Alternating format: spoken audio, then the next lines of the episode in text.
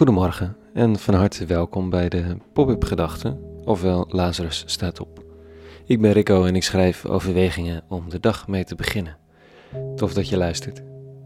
Vandaag met de titel Kun je nog ergens zeker van zijn? Pop-up Gedachten, dinsdag 5 januari 2021.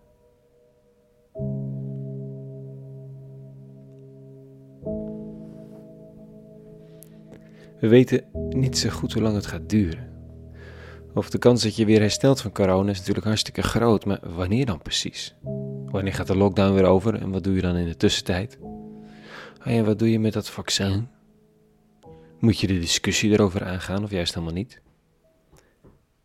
Wat moet je doen met je tijd? Of je er nu te veel van hebt of te weinig, de vraag blijft. En het geweten blijft kloppen en hameren en tikken. Dat je je kinderen op bed legt en weet dat ze in allerlei vluchtelingenkampen in Europa die luxe niet hebben. Dat weten, avond aan avond. Ja, op een gegeven moment zet je dat ook uit. Of dat je weet dat familie je nodig heeft. Of dat je toch wel eigenlijk dit zou moeten doen of dat. Het is een vermoeiend ding, zo'n geweten. Het heet goddelijk te zijn. De ingang van het goddelijke weten, maar het kan net zo goed duivels voelen. En als het te lastig wordt, dan schroeien we het een stukje dicht. Of we nemen een extra borrel. Zeggen tegen onszelf dat het allemaal zijn vaart niet zal lopen. Zo echt niet kan zijn. Dat het niet de bedoeling kan zijn dat we als gedeprimeerde, kromgebogen semi-messiassen door het leven lopen. Dat we de wereld niet kunnen redden. Enzovoort. Maar helemaal voldoet het niet, hè? Al is de een er beter in om het geweten wat te sussen dan de ander. Het is geen religieuze vraag, de vraag naar het goede. Het is een puur menselijke vraag. Net zoals de zoektocht naar de interactie met dat geweten. Er zijn talloze manieren om ermee om te gaan.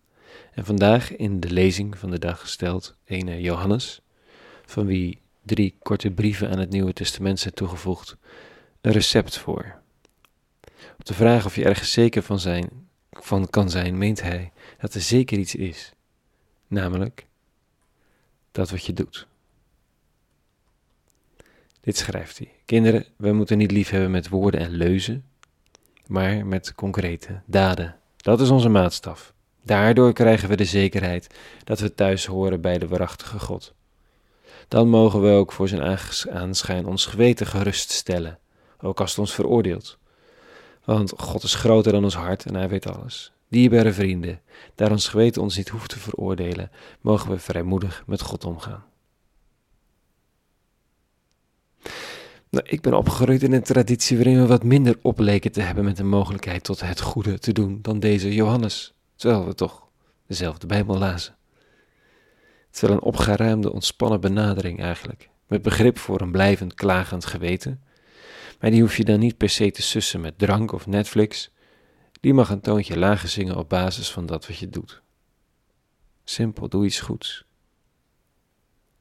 Hij zegt ook ergens: Hoe kan de goddelijke liefde blijven in een mens die geld genoeg heeft en toch zijn hart sluit voor de nood van zijn broeder? We weten wat goed is. Doe maar. Hm.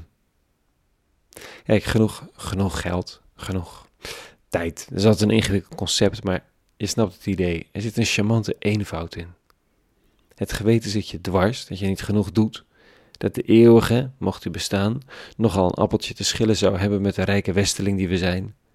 En Johannes trekt de focus weg van de grote perspectieven over de algehele verdeling van welvaart in de wereld. Al hebben die bespiegelingen natuurlijk een plek. Hij drukt het eigen geweten met de neus op de feiten van het eigen gedrag. Is daar goedheid in te bespeuren? Dan is het uit God geboren. Niet om het te claimen voor de christelijke zaken, maar het goede komt uit de bron van het goede voort. En wie al dus handelt, staat in contact met de eeuwige. Zoek je meer verbinding? Doe dingen die in overeenstemming zijn met het goede. Zo stroomt het. En wat is dan goed?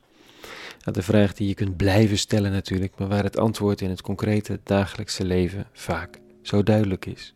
Niet spectaculair misschien, niet wereldreddend, maar wel duidelijk. Gewoon maar gaan doen. Niet het minimale, niet het maximale. Gewoon handelingen op weg naar begrip van wat goed is, wat leven is, wat mens zijn is. En wat het geweten wel en wat het geweten je niet voor de voeten mag werpen. Een hele goede dinsdag gewenst. En vrede. En alle goeds.